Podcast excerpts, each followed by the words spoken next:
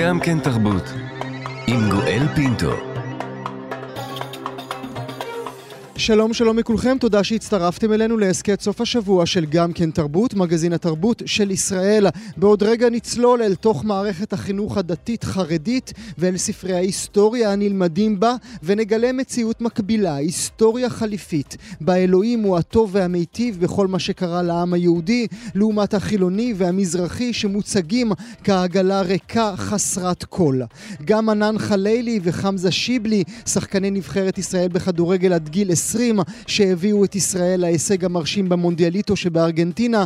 על שולחננו הבוקר נדבר על האפליה בין המגזר היהודי לזה הערבי בכל הנוגע לספורט, לא רק מבחינת תקציבים, אלא תשתיות. וגם על ההחלטה של המועצה להשכלה גבוהה להשקיע 50 מיליון שקלים בשנה בלימוד קורסים שיועברו כולם בשפה האנגלית. היכן עובר הקו הדק בין הרצון להתחבר לעולם לבין שמירה על השפה העברית והגאווה של כולנו בשפתנו ומקורותינו, נדבר בזה. עורך המשדר יאיר ברף, עורכת המשנה ענת שרון בלייס, על ההפקה מיכל שטורחן, האזנה נעימה. גם כן תרבות. והנה, אנחנו מתחילים מיד עם הנושא הראשון שלנו לבוקר זה, החינוך החרדי. על שולחננו כעת, החודשים האחרונים, עם יציאת ההמונים, מאות האלפים לרחובות וההפגנות נגד המהפכה המשפטית או ההפיכה המשטרית, אפשרו גילוי פצע שעד כה החברה הישראלית העדיפה שלא לגלות. היחסים בין הציבור החופשי לציבור האמוני, בעיקר החרדי, בישראל 2023. ההסכמים הקואליציוניים הנרחבים הרחבים שנחתמו עם המפלגות החרדיות, התקציבים הרבים, הקצבאות לאברכים, מאות המיליונים שהועברו לחינוך החרדי ללא שום פיקוח על תכנים, גרמו לרבים בציבור הכללי לתהות לאן פניה של ישראל, איך עתידה ייראה. רבות דובר על לימודי הליבה שאינם נלמדים, אבל כמעט ולא דובר על מה שנלמד כשנלמד. תחקיר השומרים, גוף תקשורת שהוקם ב-2019 במטרה לחזק את העיתונות החוקרת בישראל, צלל צלל אל עומקי ספרי ההיסטוריה הנלמדים בזרם החינוך החרדי, וגילה עולם מקביל, שבו לא רק האירועים ההיסטוריים סובבים סביב הקדוש ברוך הוא, והכל בזכותו, אלא שגם החילונים, הציונות, המזרחים, מוצגים בצורה מחפירה. נצלול אה, לא מעט אל הציטוטים בספרים האלה, אפילו ניגע בתחום השואה, לכאורה חומר לימודי שלא אמור להיות עליו חולק, ובכל זאת. נברך לשלום את אשת השומרים, חן שליטה, שפרסמה את התחקיר אודות אה, ספרי לימוד ההיסטוריה בחברה החרדית. בוקר טוב לכן. בוקר טוב, גואל. תודה רבה שאת נמצאת איתנו הבוקר, ונצרף לשיחה את הדוקטור מלי אייזנברג, חוקרת זיכרון השואה החרדי באוניברסיטת בר אילן. בוקר טוב לך. בוקר טוב. תודה שגם את נמצאת איתנו הבוקר. נתחיל איתך, אה, ברשותך, כאמור, אה, חן שליטה. אנחנו כולנו מיד חושבים על גפני. חבר הכנסת גפני עומד על הפודיום במליאת הכנסת ומזלזל בכולנו, ובעיקר בנועה קירל. אפילו מציע שיקנה לה כמה בגדים כדי להראות את ההבדל בין העגלות המלאה וזו הריקה. נכון, הוא דיבר על זה שהבת שלי לא לומדת על נועה קירל בבית ספר, אה, ככה רמז כאילו היא לומדת דברים אה, ברומו של עולם, אה, איכותיים יותר, ואמרנו בואו נלך ונבדוק מה קורה בספרי ההיסטוריה של החברה החרדית. בואו נראה מה אתם באמת לומדים. כן, כן, דיברו הרבה על ספרי האזרחות בתקופה האחרונה, אפרופו ההפיכה המשטרית, סלאש הרפורמה, כמו שככה הצעת קודם, אמ, ואמרנו, בואו נלך לאח, להיסטוריה, ונראה מה קורה שם. אמ, האמת שאנחנו ציפינו לנרטיבים שונים מזה של החינוך הממלכתי. אנחנו עשינו גם כתבה מקבילה על החינוך הממלכתי-דתי, גם שם ציפינו שיהיה אחרת, ולא התבדינו, אפשר לומר שכל חברה פה מספרת אה, סיפור אחר לגמרי. מה שאפיין את החרדי, שהכל היה הרבה יותר בוטה, mm. כלומר, הכל לפנים, כמו שאומרים. Mm-hmm. אין, אין שום understatement, הכל על השולחן, ו... ושוב, הנרטיב מאוד מאוד שונה. אתם, אה, את בחנת, אני אומר אתם, אבל זו את.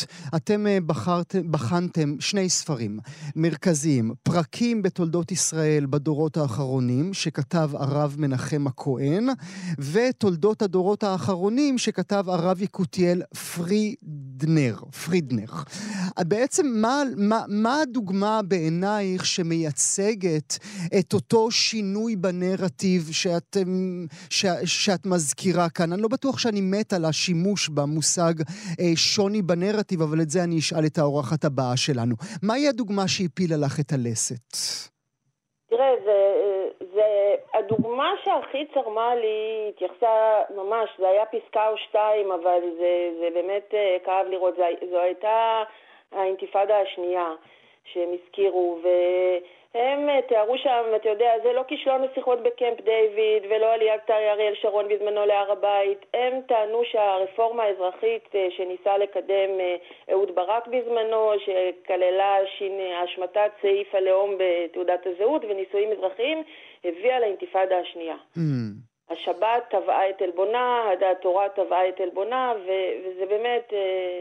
זאת אומרת, כמו שנאמר בספר, בהשגחתו הפרטית של הקדוש ברוך הוא על עמו, הוא כעס על, על הרצון לשנות את אופייה של מדינת ישראל, ולכן הוא גרם לפריצתה של האינתיפאדה השנייה.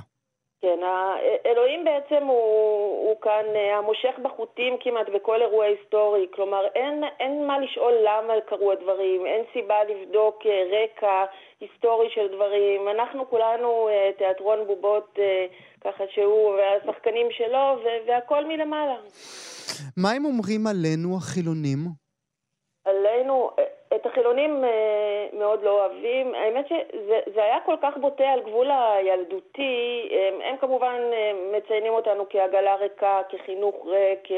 מדי פעם אנחנו מבקשים קצת עזרה מהם להביא חזן אה, לימים הנוראים, או לעשות איזשהו משהו, כי אנחנו קולטים שאנחנו באמת כנראה בתחתית. הם בעיקר רואים בנו כמי שהעבירו את העולים החדשים על דתם. Mm. באשמתנו... הספרדים, כן? תוך הדגשה אה, אה, על עולי אה, תימן וצפון אפריקה. נכון, שהם ממש באו עם כוונות טובות ושמרו מצוות, והחילונים מנעו מהחרדים כל מגע איתם, גזזו את פאותיהם בתואנות של מחלות כאלה ואחרות. הציעו להם את, את התרבות החילונית ככה מרכז תרבות יפה במחנה, בעוד בית הכנסת היה צריף מוזנח אה, בצד, ועשו הכל כדי לשכנע אותם אה, אה, לא לשמור על mm. הדת, והתוצאה של זה, לפי הספר, היא שאותם עולים יידרדרו לפשע. זאת אומרת, גם אנחנו המזרחים מוצגים כאנשים שדורדרו לפשע, ולא רק זה, אלא כאנשים שאין להם באמת דעה, אלא שנגררו כתוצאה מאותם חילונים ארורים שהכריחו אותם להפוך לחילונים. נכון. באחד הספרים גם מתארים את המזרחים כמי שפיגרו בלימודים, וממש מתארים אותם בתור אה, חברה נחשלת, שדור אחרי דור אה, מנציחה את הבורות הזאת. אה, עוד רגע אעבור אל הדוקטור מלי אייזנברג, אבל רק בשביל האנקדוטה, גם מזג האוויר מקבל טיפול בספרים האלה. נכון, זה ספר לבית הספר היסודי. ששם הם, אה, הם מסבירים שהחזאים טועים כי אלוהים הוא זה שקובע את מזג האוויר, ברצותו כך, ברצותו אחרת, אה, והכל אה, שוב משמיים. אמ, אגב, אני רוצה להגיד משהו, הספרים האלה לא מאושרים על ידי משרד החינוך. Mm, כן, אנחנו, אנחנו ניגע בזה בנקודה עוד רגע. אה, אפנה אלייך הדוקטור מלי אייזנברג, כאמור חוקרת זיכרון השואה החרדי באוניברסיטת בר אילן. נראה לי שלא האמנתי שאי פעם אני אניח את זה על השולחן, אבל אולי צריך להתחיל לשאול מהי היסטוריה?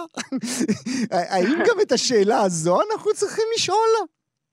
אז קודם כל, כן, בוודאי. אה, חשוב להבין את ההקשר אה, שהדברים נאמרים. אה, ההיסטוריה, כפי שאנחנו מכירים אותה כתחום דעת, המבקשת בעצם לתור אחר התהוות החברה האנושית, בירור עיוני של העבר, מבחינת החברה החרדית היא נקשרת בחטא קדמון, קדמון, לא פחות ולא יותר, שקשור להשכלה ולחילון. היא עומדת בניגוד מוחלט בעצם למה שאנחנו מגדירים כזכור, כמצוות זכור או ההיסטוריה הקדושה. שבמהלכה, נכון, כמו, כמו שנאמר גם בכתבה, הקדוש ברוך הוא מחולל ההיסטוריה, mm-hmm. בעצם כל העניין הזה, כל הרצף ההיסטורי של עם ישראל נקשר בעצם בדגם מסורתי של חטא ועונש. אה, בעצם יש תבנית ידועה, יש אה, תבנית ידועה וברורה מראש, ובמערכת היחסים האלה, אם יש, אם יש טעויות ואם יש חטאים, אז, אז הקדוש ברוך הוא כמובן מעניש את, את עם ישראל, ולכן גם ה, מה שנאמר קודם לכן, שאם יש כישלונות גדולים, או, אז מחפשים בעצם מה, מה הפשע, mm-hmm. מה חטאו ישראל, mm-hmm. ולכן זה מאוד מאוד הגיוני. אין שם את העניין של... אה, אני גם כמי שמכשירת מורים חושבת שהמורה להיסטוריה צריך להיות מכשיר, אה, או בוא נאמר מצפן דיסציפלינרי, שמתווה את הדרך. אה, אני רוצה שהתלמידים, התלמידים שהיו כהיסטוריונים קטנים שמנסים ככה בחשיכה לתור אחר האמת. אבל יש עובדות. ראייה ביקורתית, זה, זה לא קיים שם. זאת אומרת, זה לא, זה בא, הנקודת מוצא היא אחרת לגמרי. הנרטיב הפריזמה החרדית שמתייחסת להוראת היסטוריה, מתייחסת לזה מבחינה חינוכית, ערכית. ההיסטוריה היא אמצעי למעשה. היא אמצעי לחינוך, לעיצוב הזהות uh, uh, החרדית הנבדלת, אה, כמובן מהדעות הישראלית. אז זה יביא אותנו אה, עוד רגע אה, לשאול באמת אולי את השאלה הגדולה, בראי הספרים האלה ובראי הדורות המתחנכים לאורם של הספרים האלה, איזה חברה אנחנו בונים כאן יחד.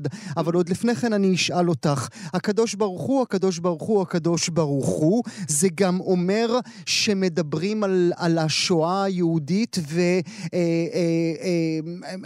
ושמים את זה לפתחו, שזו הייתה החלטתו?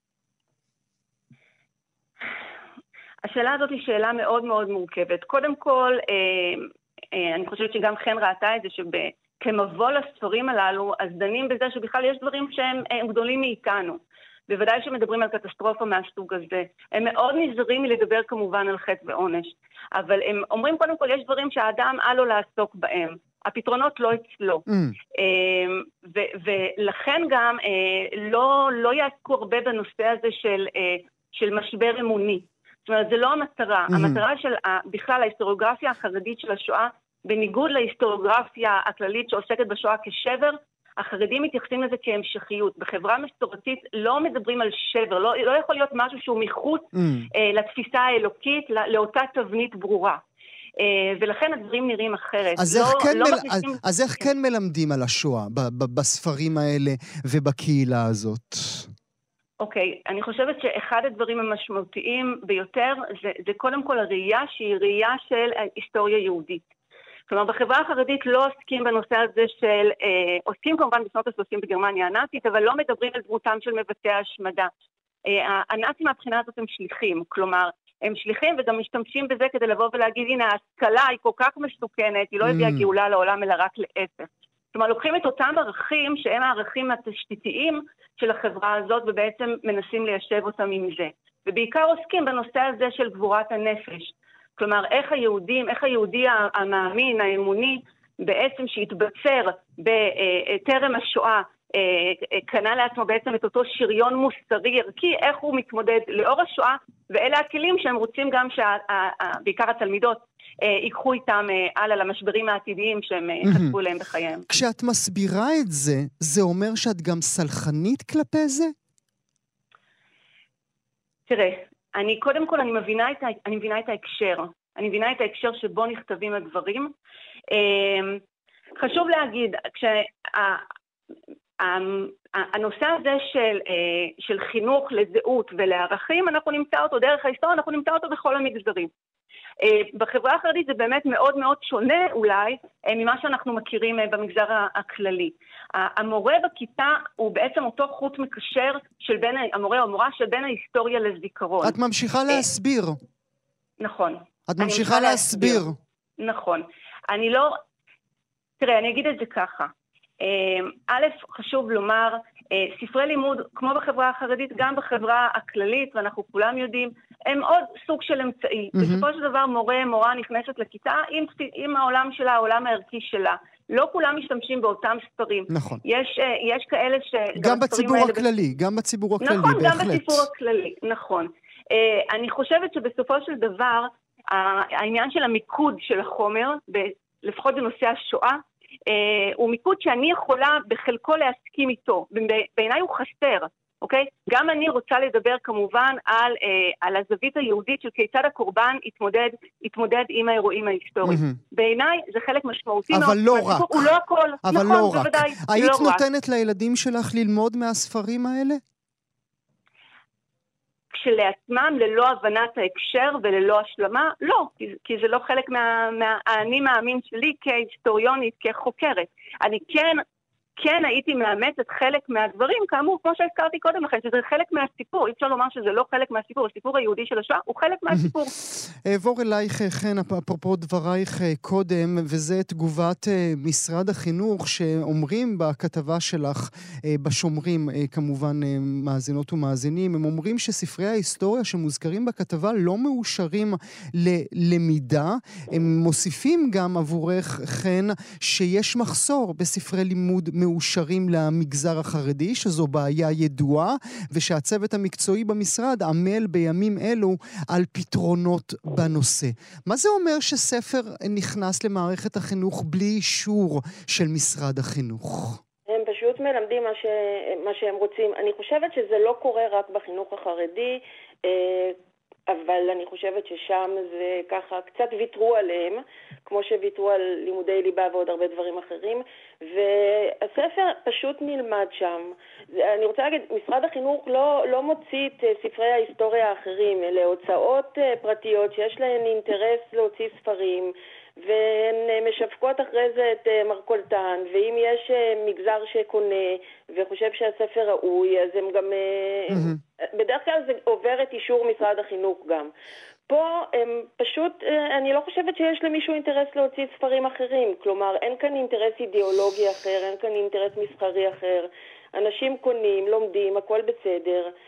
אני לא יודעת, אני תוהה אם, מה, מה היה קורה אם גם בנים היו לומדים מה, מהספרים האלה כמו בנות, אולי היה אולי המציאות הייתה שונה קצת בהקשר הזה. אה, אולי לסיום אשאל אתכן אה, שאלה זהה. איזו חברה אכן בעינייך אנחנו בונים עם ספרי היסטוריה כאלה?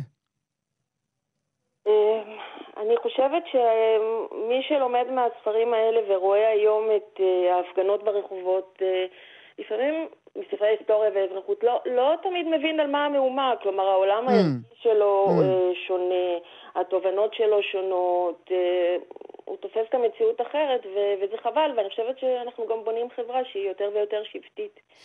אה, גם בגלל שבאמת הסיפור שהיא מספרת לעצמה על תולדותיה הוא שונה. הוא סיפור אחר לגמרי. הדוקטור אייזנברג, אותה שאלה ברשותך? כן. תראה, אני, אני חושבת שאנחנו בהחלט אה, הולכים לקראת חברה שהיא יותר רב-תרבותית באופייה. אה, אבל אני גם אופטימית, כי אני חושבת שלפחות אנשים שהם הם אלו שהבנות, הן אלו שלומדות, בסופו של דבר הם אלו גם שמתערות בחברה הישראלית, הן אלו שעובדות, הן אלו שיוצרות ממשקים אה, עם האוכלוסייה הכללית, ואני חושבת שאין כמו בעצם אה, או, אותה חברות ואותה היכרות עם העולם האחר מבחינתם, ואני חושבת ששם יש הרבה יותר פתיחות בסופו של דבר כשהן יוצאות לדרך. אני רוצה להודות אה, לשניכם. אה, חן שליט, האשת השומרים, תודה על התחקיר הזה, תודה רבה על השיחה הזו, גם לך, הדוקטור מלי אייזנברג. תודה לך.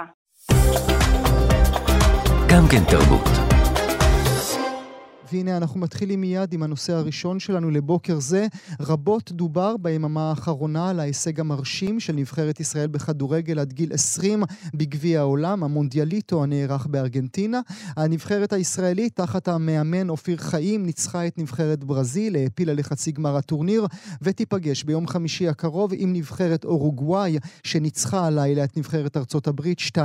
המחמאות רבות כמובן, גם דמעות ירדו, אבל היחס אל שני חברי הנבחרת שגם הבקיעו את השערים, ענן חלילי וחמזה שיבלי, היה כחלק מקולקטיב. המברכים הרבים, ביניהם ראש הממשלה בנימין נתניהו, שמחו בשמחת הנבחרת, אבל לא התייחסו לעובדה כי שניים מהמצטיינים הם בני המגזר הערבי והבדואי, כאילו ישראל היא חברה שלא מפלה בין יהודים וערבים. אבל העובדות הפשוטות הן אחרות. ההשקעה של ישראל בתחום הספורט במגזר הערבי, בדומה להשקעה בתחומי התרבות, לא מתקרבת להשקעה ההשקעה במגזר היהודי. הנה כמה דוגמאות. בעיר טירה, שבה 30 אלף תושבים, יש תשעה מתקני ספורט. כשאנחנו אומרים מתקני ספורט, אנחנו מתכוונים מגרשי כדורגל, כדורסל, אולמות ספורט, בריכות שחייה, מתקני כושר ועוד.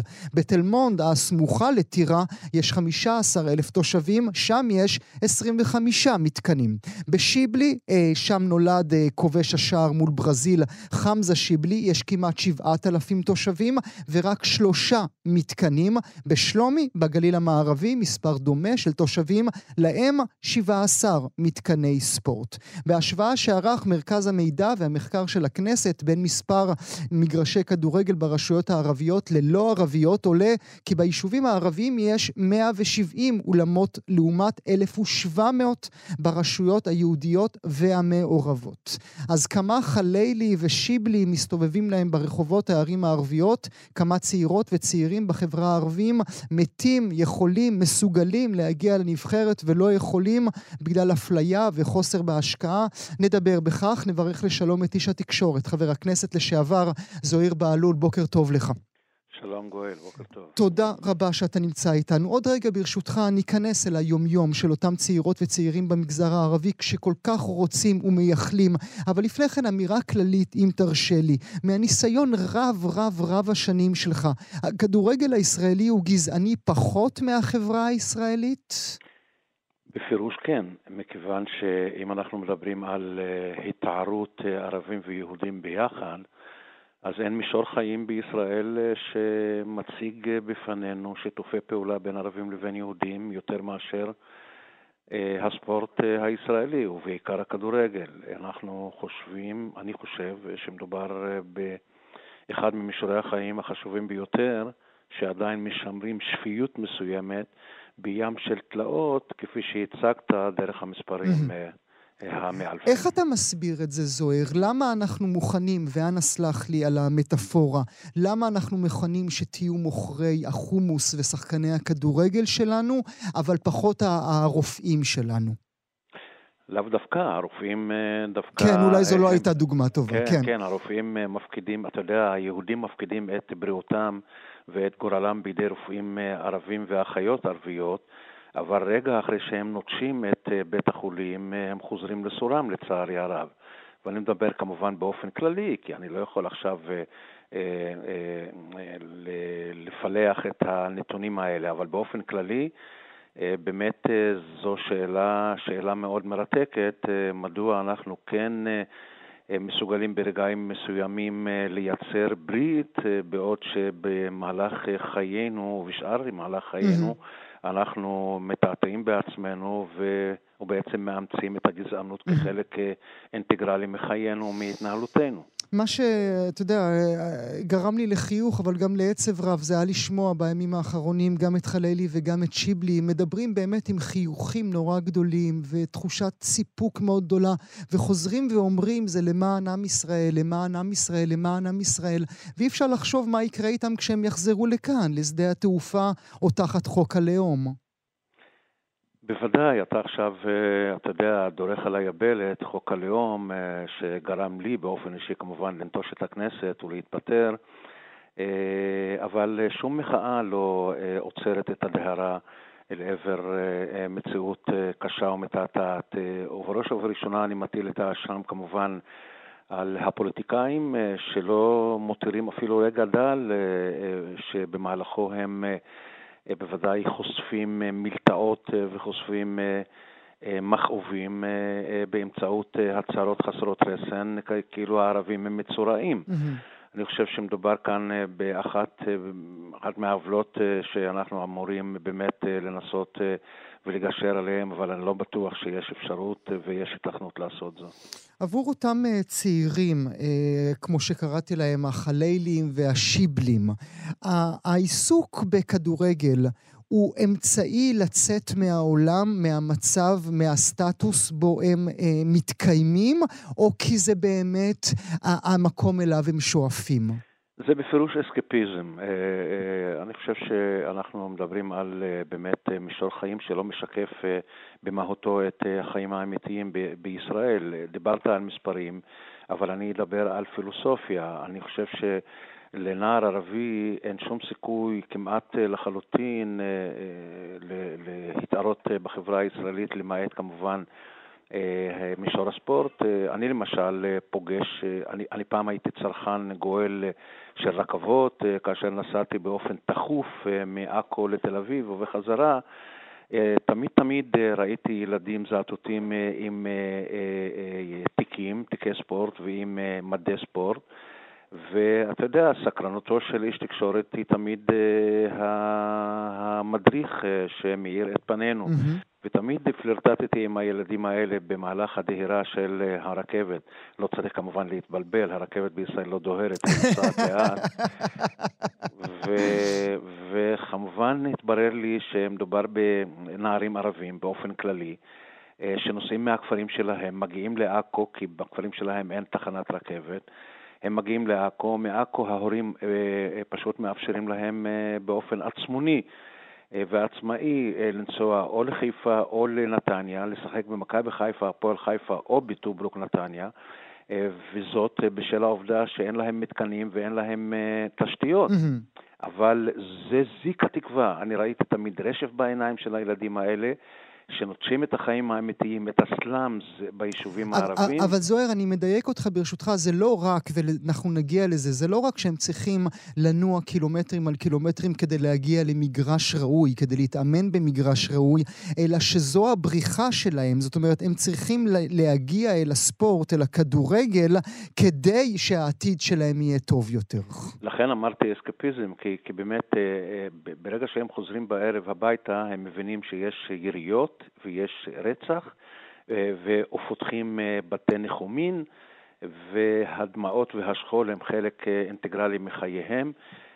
למזלם, יש להם שעתיים וגם שעתיים אולי בדרכים כדי באמת לשהות במרחבי האסקפיזם ולהרגיש כשאר העם.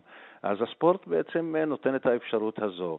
שיבלי למשל, חמזה שיבלי, אם היה, אם היה נשאר בערבי שיבלי וכישרונו אה, היה בולט, אה, אף, אף, אה, אף אור לא היה mm-hmm. נשפך עליו mm-hmm. כדי להוכיח לעם ישראל שמדובר כאן בשחקן שעשוי באחד מן הימים לייצג את מדינת ישראל בגאון. Mm-hmm. אז שיבלי עשה זאת רק בשל הכישרון ורק בשל המאמץ והאומץ של הוריו להשקיע רבות אה, ולהותיר אותו בחיפה. Mm-hmm. יש אגב משפחות שלמות אה, שנודדות אה, מהכפרים, מהסלאמס בכפרים, אל הכרך הגדול ולהתגורר שם, כדי להותיר לבן איזשהו זיק של תקווה להשתלב בתוך החברה הישראלית.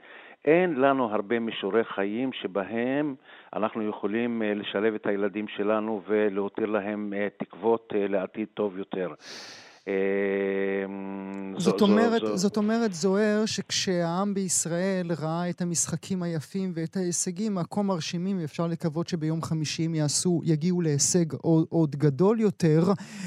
אנחנו חייכנו והלב שלנו התרחב, אבל אתם באמת הבנתם מה עומד מאחורי שני הצעירים האלה. אגב, מדובר בשלושה צעירים ולא רק בשניים, כי יש אחמד סלמן, נכון, אחמד אברהים נכון, סלמן, שהוא נכון. איש בית צפאפא, אמנם החמיץ פנדל, אבל הוכיח שיש אנושיות בכדורגל, לא הכל הולך אה, אה, במאת האחוזים. אה, למזלנו, לא הוטלה עליו המשימה המבישה בהפסד שלא הגיע חלילה, אלא בסופו של דבר היה mm-hmm. ניצחון גדול.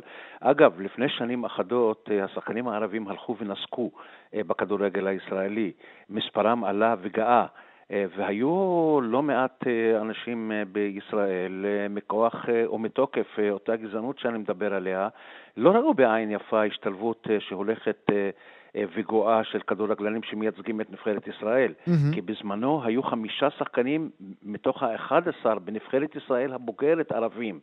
והדבר עורר פולמוס mm-hmm. עתיר רעלים בתוך החברה הישראלית, וחבל לי על הדברים האלה, כי לפחות בואו נשמר את השפיות באסקפיזם הזה, שבו ערבים ויהודים, שכם לשכם, לב ללב. שיר לשיר, מיטה למיטה, חיים ביחד ומייצרים לנו מציאות אה, מופלאה ואפילו הייתי אומר אצילית. בואו נזכיר, אה, זוהיר, ברשותך, את אה, תוכנית החומש של הממשלה הקודמת תחת בנט ולפיד, תוכנית חומש לחברה הערבית בכל התחומים, גם בתחום התרבות, גם בתחום הספורט. אמורים היו להעביר 700 מיליון שקלים לקידום תרבות הספורט בחברה הערבית. אנחנו לא יודעים איפה זה, איפה זה עומד בשלב הזה. זה היה משנה משהו? משהו? זה היה גורם לעוד אה, אה, תעודה כזו בעולם הערבי, במגזר הערבי? בוודאי, אה, גואל, אה, תשמע, אה, כאשר ניו יורק הייתה במקום הראשון באלימות כמעט בכל העולם, הבליח פוליטיקאי באותה תקופה עם רעיונות מופלאים, רודי ג'וליאני. הייתה תופעה בניו יורק של חלונות שבורים, ילדים שחורים, מכוח הנקמה לגזענות של הלבנים, היו עומדים בקרנות רחוב ומשליכים אבנים אל עבר בתיהם של הלבנים. ואיך פתרו את הבעיה? כמובן דרך הרתעה, ועל ההרתעה אני תמיד אומר שאומנם אני איש אה, פדגוגיה. במקורות, במקורות שלי, אבל אני עדיין מאמין ביד חזקה כדי להשליט איזושהי משמעת שיכולה לייצר חברה יותר נורמלית. אבל בצד ההרתעה שבכל קרן רחוב שוטר, עם, אה, עם אה, כוח ועם נוכחות, אה, מילאו את ניו יורק במגרשים שהיו מוארים 24 שעות, mm. ושם תיעלו mm.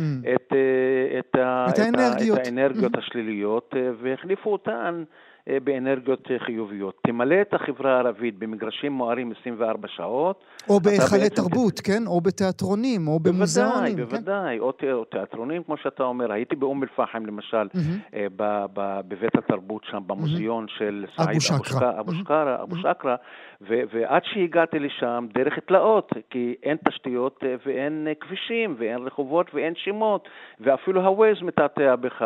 אבל בסופו של דבר אתה מגיע ומוצא איזשהו אור בלב mm-hmm. המדבר הצחיח. גן עדן. את כן. זה אנחנו mm-hmm. צריכים לעשות. Mm-hmm. למה לא עושים את זה? אולי נסיים בכך. באמת, אה, נער היית וגם זקנת. למה באמת לא עושים את זה? אה, אפליה, קיפוח. אנחנו הרי מדברים על אפליה פעם אחר פעם. Uh, החברה הערבית, דיברת על 700 מיליון לתרבות, אני גם לא שמעתי את מיקי זוהר, שר התרבות והספורט החדש שמדבר על ההכרח לטפל ולמגר, לנסות למגר את אה, האלימות בתוך החברה הערבית באמצעות הספורט, שזה אולי, אולי אה, אה, משוואת הקסם שיכולה אולי להפחית ולמגר עם... ונדמה לי שמדובר באמת באפליה ממסדית, קונסיסטנטית, שדוהרת ורודפת אותנו פעם אחר פעם, שנים אחר שנים. ואנחנו תקועים במקום. תן לנו חברה יותר נורמלית, שופעת תרבות, מלבלבת תרבות, מלבלבת שיח משותף, ואתה אתה בוודאי תמצא למחרת חברה אחרת. הם ינצחו את אורוגוואי? תשמע, באורוגוואי, אורוגוואי ניצחה אותנו ב-1970. כאשר אנחנו השגנו mm-hmm. את ההישג mm-hmm. הכביר mm-hmm. ביותר בעצם הנוכחות שלנו במונדיאל.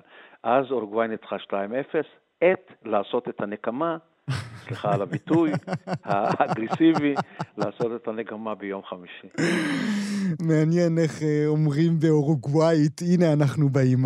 אה, זוהר בעלו, לעונג רב, תודה שהיית איתי הבוקר. תודה גואל, הכבוד היה שלי, ביי. גם כן תרבות.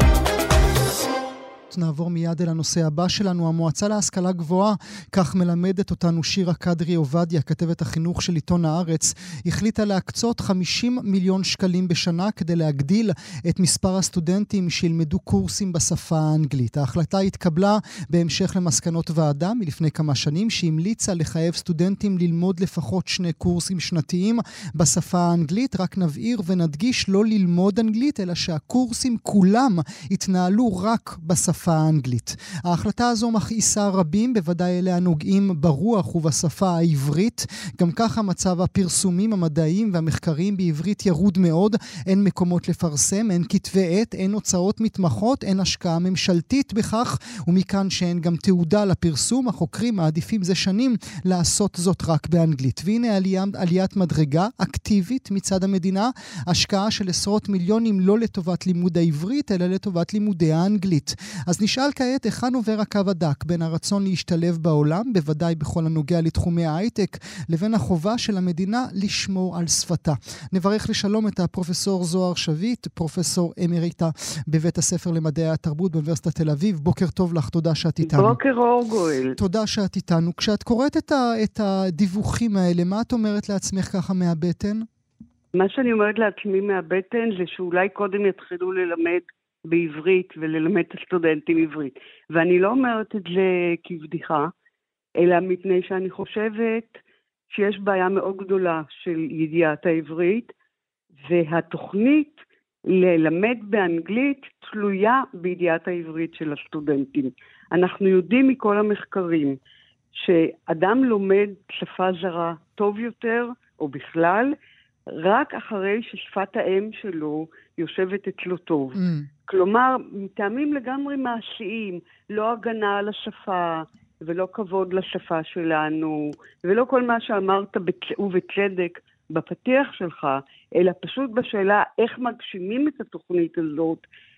אני חושבת שקודם כל צריך לדאוג... זה חייב לעבור ש... דווקא דרך ד... העברית. ד... בדיוק כך. אה, עכשיו, לא שיש לי משהו נגד התוכנית... כן, כי אנחנו בכל זאת חייבים להתחבר לעולם כן, כולו, בוודאי, נכון? אבל... אנחנו לא מנותקים לגמרי. לא, לא, נהפוך הוא, אני רק שואלת איך הכי טוב לעשות את זה. עכשיו, אגב, אני את הבעיה לא כל כך רואה ב, בתחום של ההייטק או המדעים המדויקים. יש סיפור מאוד ידוע על פרופסור מאוד מאוד ידוע, שלא יודע אנגלית. אז פעם שאלו אותו, איך אתה משתדל? הוא אומר, מה הבעיה? אני רושם על הלוח את הנוסחאות, ואז אני אומר, this and this is this. וגמר את, את הסיפור. אז יש בעיה, היא דווקא במדעי האדם, וכאן היה צריך לפתח את ידיעת השפות הזרות. אלא דאקה, שאי אפשר לעשות את זה בשלב כל כך מאוחר. Mm.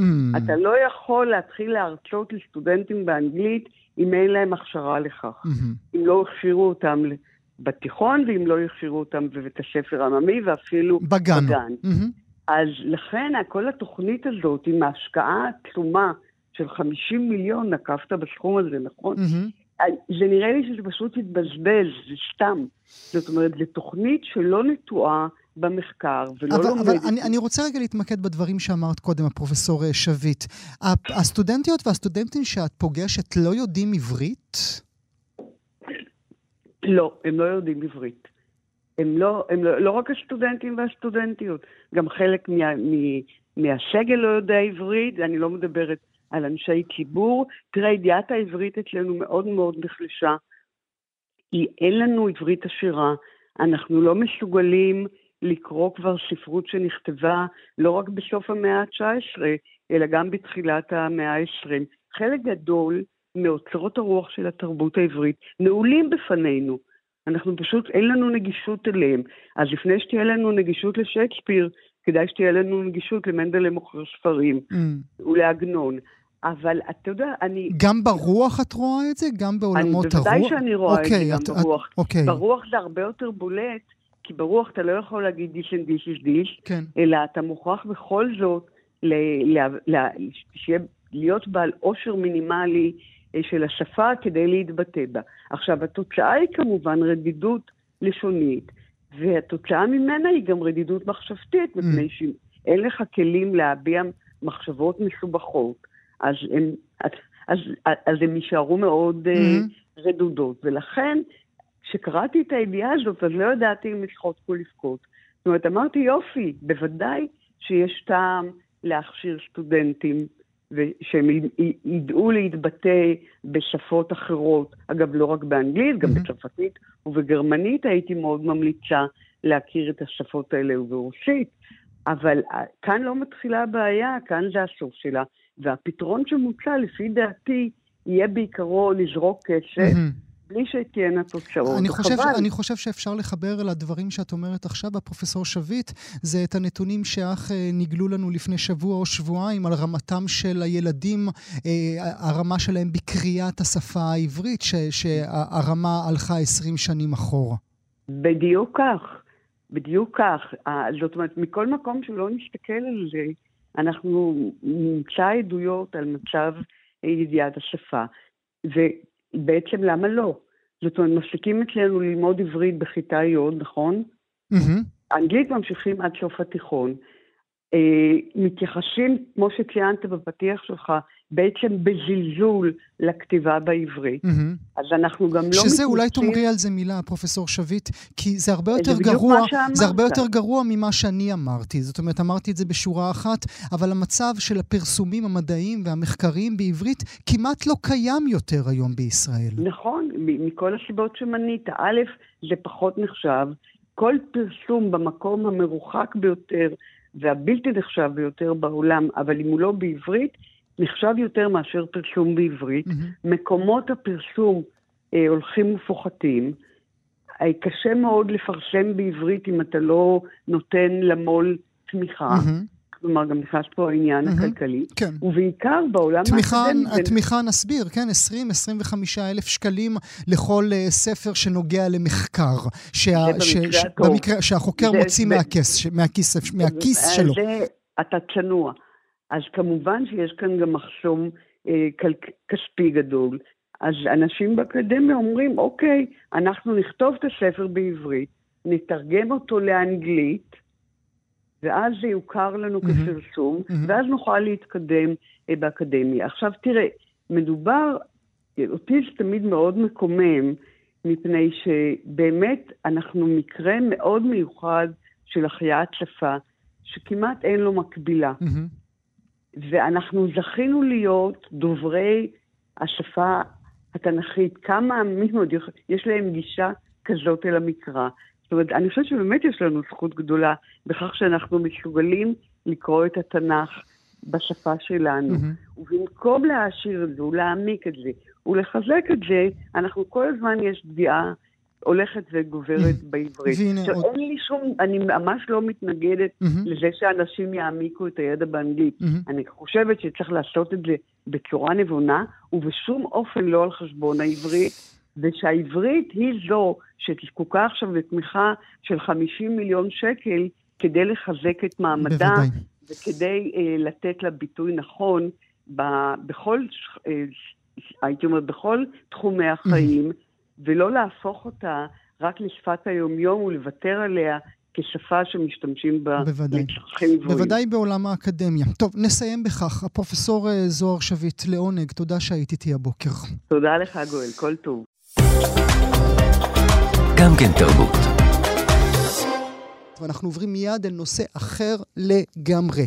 אנחנו רוצים להכיר לכם עכשיו את האיש הערער, אומנית, נשואה, אימא לשתי בנות מג'לג'וליה, שבחודש הקרוב היא מציגה, כך נדמה, בלי עין רעה, בכל מקום. היא מציגה בתערוכה תחנה שנייה טירה, תערוכה קבוצתית בשיתוף פעולה בין הפקולטה לאומנויות המדרשה, המכללה האקדמית בית ברל והמרכז הקהילתי טירה.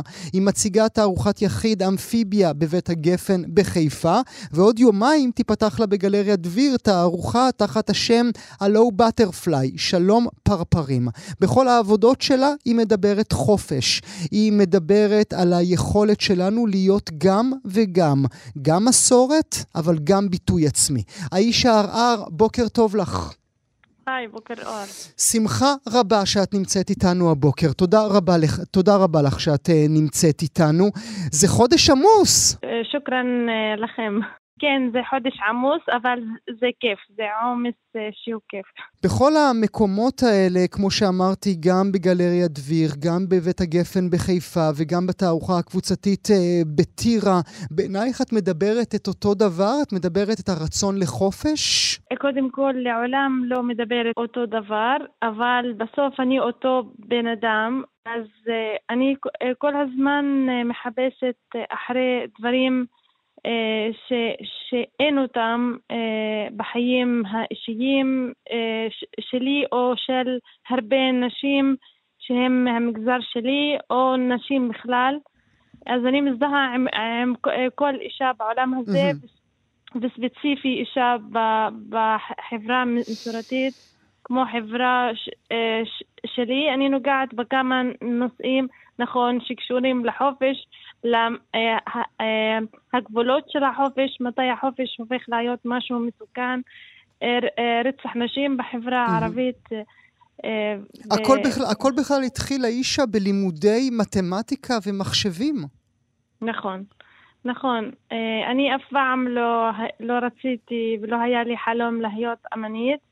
הייתי לומדת מתמטיקה ומחשבים עם מלגת הצטיינות בבית ברל, ובסמסטר האחרון הרגשתי כמו מכונה. נכנסתי לגוגל וכתבתי איך לדעת מה העבודה שמתאימה לך. אז התגלה שזה התרפיה באומנות. אבל עד עכשיו לא למדתי התרפיה עד עכשיו. הפכתי להיות אמנית ומרצה לאומנות בבית ספר. זאת אומרת, אה, כילדה וכמתבגרת, אה, אפילו אישה מבוגרת יותר, לא אחזת בעיפרון וציירת בכל הזדמנות שהייתה לך. לא, פעם אחרונה למדנו בבית הספר אומנות לצערי הרב, זה היה פעם אחרונה בכיתה ד' והמורה נכנסת אומרת לצייר מה שבא לך, לצייר אה, בית ושמש, mm. לצערי הרב. שם זה היה הפעם האחרונה. מתי הבנת שזאת, שזה הייעוד שלך, שבשביל זה הגעת לעולם? אה, אה, נכנסתי לקורס אחד, אה, הקורס הזה בשביל ללמוד, אחרי שאני אסיים את המתמטיקה והמחשבים, ישר ללמוד את המאסטר in art therapy. ובגלל הקורס הזה, פתאום הפנטזיה בראש שלי נפתחת. הרגשתי שאני רוצה לחבק עצים ולהסתכל על ה-birds um, the birds. Uh, ציפורים, כן, כן, כן. אז הרג... חשבתי, מה קרה לי? השתגעתי, אני לא מצליחה להתרכז. כן.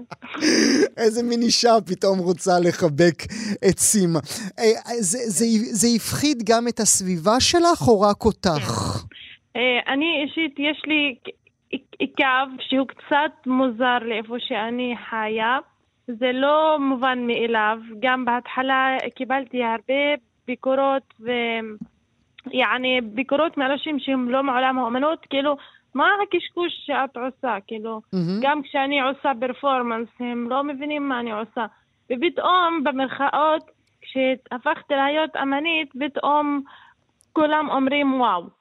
אז uh, זה גם מצחיק, וזה גם uh, שם הרבה ביקורת ואת זה שבתחילת הדרך בתור אמן בחברה שלך, שהיא לא, לא מצליחה לתמוך בך, ואתה מסתכל שיש חברה אחרת mm. שתומכת בך, mm. אז אתה שוב רוצה לחזור לחברה וללמד את מה שהם לא רואים. Mm. אני לא משלילה, יש הרבה אנשים דווקא אה, מאוד יצירתיים, אבל הם, אה, אם אתה לא עומד על שלך, מכל מה שאתה שומע מסביב, אה, אתה צריך ביטחון עצמי, כן. אחרת אתה נופל. אתה חייב להיות נאמן לעצמך. זה גם יוצר כן. אצלך, אישה, תחושה של לא פה ולא שם, לא מחוברת כן. לחברה הערבית ולא מחוברת לחברה ח... היהודית?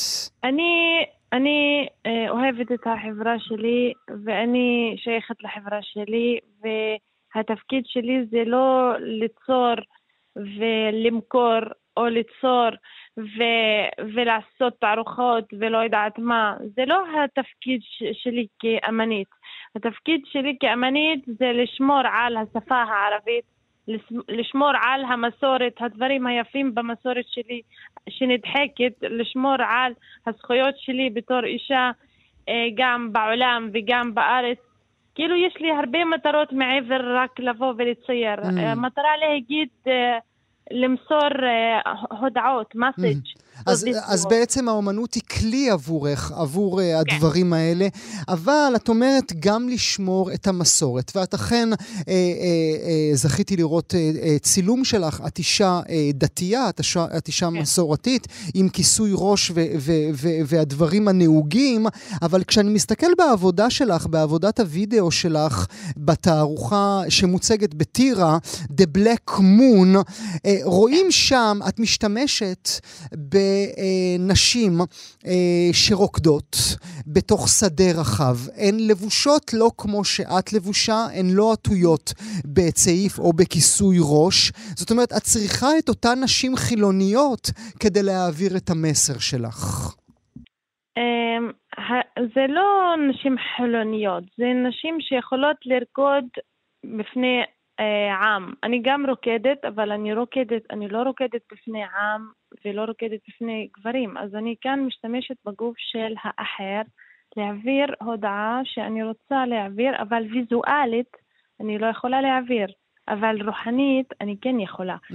והווידאו הזה, אני רציתי להגיד, שהוא, אה, אה, עשיתי אותו בהשראת ספר שלי, הירח השחור, ספר שחקרתי בו מה זה חופש אימתי ומה זה אהבה אימתית. זה מדבר על אישה שהתאהבה בירח שחור, וירח שחור זה גבר של מאפיה שבקלות יכול להרוג. אז אה, מה קורה כשגבר כמו זה מתאהב? איך אהבה מרקחת ועושה את האבן, אה, הופכת את האבן למים. אז אה, בכל הספר האישה כותבת שירים, והיא קוראת לירח השחור uh, to give up to love, mm-hmm. ואחרי זה היא מגלה שהיא לא מאוהבת בו, היא מאוהבת בחושך, ואז היא מתחילה להגיד שירה על היופי של החושך, ואז היא מגלה שהיא מאוהבת בלילה, אז היא מתחילה לקרוא שירה על הקסם של הלילה, שאין אותו בגברים שחיים mm. על ה- on the earth. ובסוף היא מגלה שהיא הירח השחור. אז בעצם לגבי העבודה בטירה, זה מדובר על עבודה משותפת עם אה, רקדניות אה, נועה דאנס מהצפון שבניתי אליהם וזה, והמוזיקה זה מוזיקה ש, שקניתי מנגן mm-hmm. מעיראק קוראים לו אמין מקדד שם הנגינה בחד פיר והרגשתי שהכל מזדהה כאילו אני הרבה פעמים מדברת על הפחד מחופש הפחד אז, אה, מחופש, זה כמעט משפט שאי כן. אפשר להבין. אבל אני רוצה רגע שנשמע יחד, אה, שגם זה תהליך שהיה צריך לעבור כדי להגיע אל הרגע הזה ממש. האם את מרשה לי שנשמיע למאזינות והמאזינים שלנו אותך שרה? כן, בטח. בבקשה.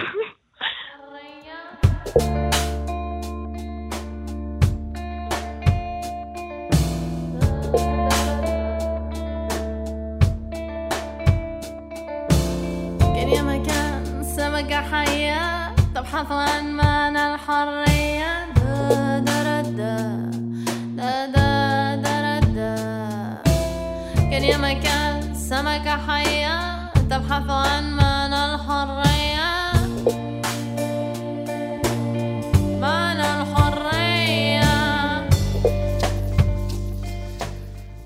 זה פשוט uh, פנטסטי, אבל זה גם מחסום נוסף שהיית צריכה לעבור כדי שבכלל תרשי לעצמך לשיר, אפילו מבחינה מסורתית. נכון. כי מה? כי לא נהוג שאישה תשיר. זה, זה כמו ביהדות. Mm. אה, בדת, אה, כאילו אצלכם בדת, כמו בדת אצלנו, אומרים שאת אה, לא יכולה לשיר כי זה מפתה, אז... אה, אני הלכתי וחקרתי את זה וניסיתי להבין למה אסור לי לשיר ולא מצאתי פסיק בקוראן שאומר שאסור לי לשיר. מצאתי דברים שאומרים שאסור לי לשיר אם אני, אה, אם אני עושה משהו מפתה או אם אני אומרת לאנשים לגנוב, אם אני אומרת לאנשים להרוג, זה גם דברים אסור אותו דבר אוסר. אז בגלל זה משם הבנתי שיש לי הרבה מסרים מעבר לזה, הבנתי שאהבה לשיר זה השירה שלי והחופש להגיד מה אני רוצה זה, זה נשק שלי בחיים. ומה אנשים אה, אה, מרגישים כשאת מחזיקה את הנשק הזה? איך הם מתמודדים מולו? ת, תראה, אני, אני בן אדם שכל השירים שלי אני מלחינה וכותבת אותם ושרה אותם, והשיר שהשמעת עכשיו זה, אה, זה שיר הראשון שבצעתי לגמרי ושמתי אותו ב SoundCloud, אפשר להזין אותו ב SoundCloud, כאילו הפקתי שיר סוף סוף.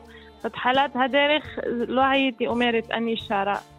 עכשיו אני עושה את זה דרך האומנות. אני לא זמרת, אני אמנית. אבל כשאני אמנית אני יכולה להיות הרבה דברים באותו, באותו רגע, לא רק אמנים. אפשר uh, בתחומים שונים לעסוק. נגיד uh, שוב למאזינות והמאזינים שלנו, גם בתחנה שנייה טירה, גם בבית הגפן בחיפה וגם בגלריה דביר, את כולם, uh, תוך, בכל המקומות האלה. תוכלו לראות, לראות את העבודות המצוינות של האישה הרר. האישה, תודה רבה לך שהיית איתנו הבוקר. שוכרן לך. רק לפני שנסיים, רציתי להגיד תודה רבה למדרשה, כי היא גם עושה הרבה דברים לקדם את ה... את האומנות בחברה הערבית ויש גם, יש לנו פורום של בוגרות שהמדרשה כל הזמן מנסה לדחוף אה, בשביל לקדם את האומנות במגזר הערבי.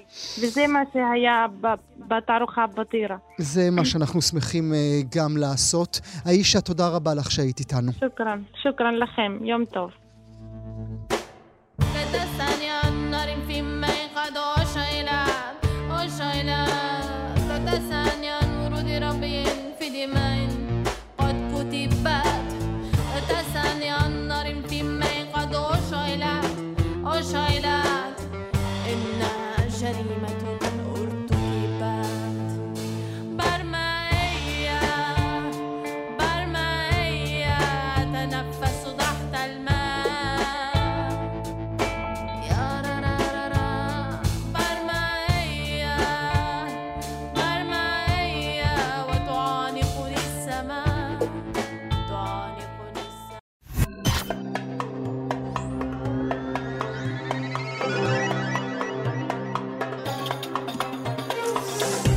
הגענו לסיומו של הסכת נוסף לסוף השבוע של גם כן תרבות מבית כאן תרבות. עורך המשדר יאיר ברף, עורכת המשנה ענת שרון בלייס, על ההפקה מיכל שטורחן. תודה שהייתם איתנו. עד הפעם הבאה, להתראות.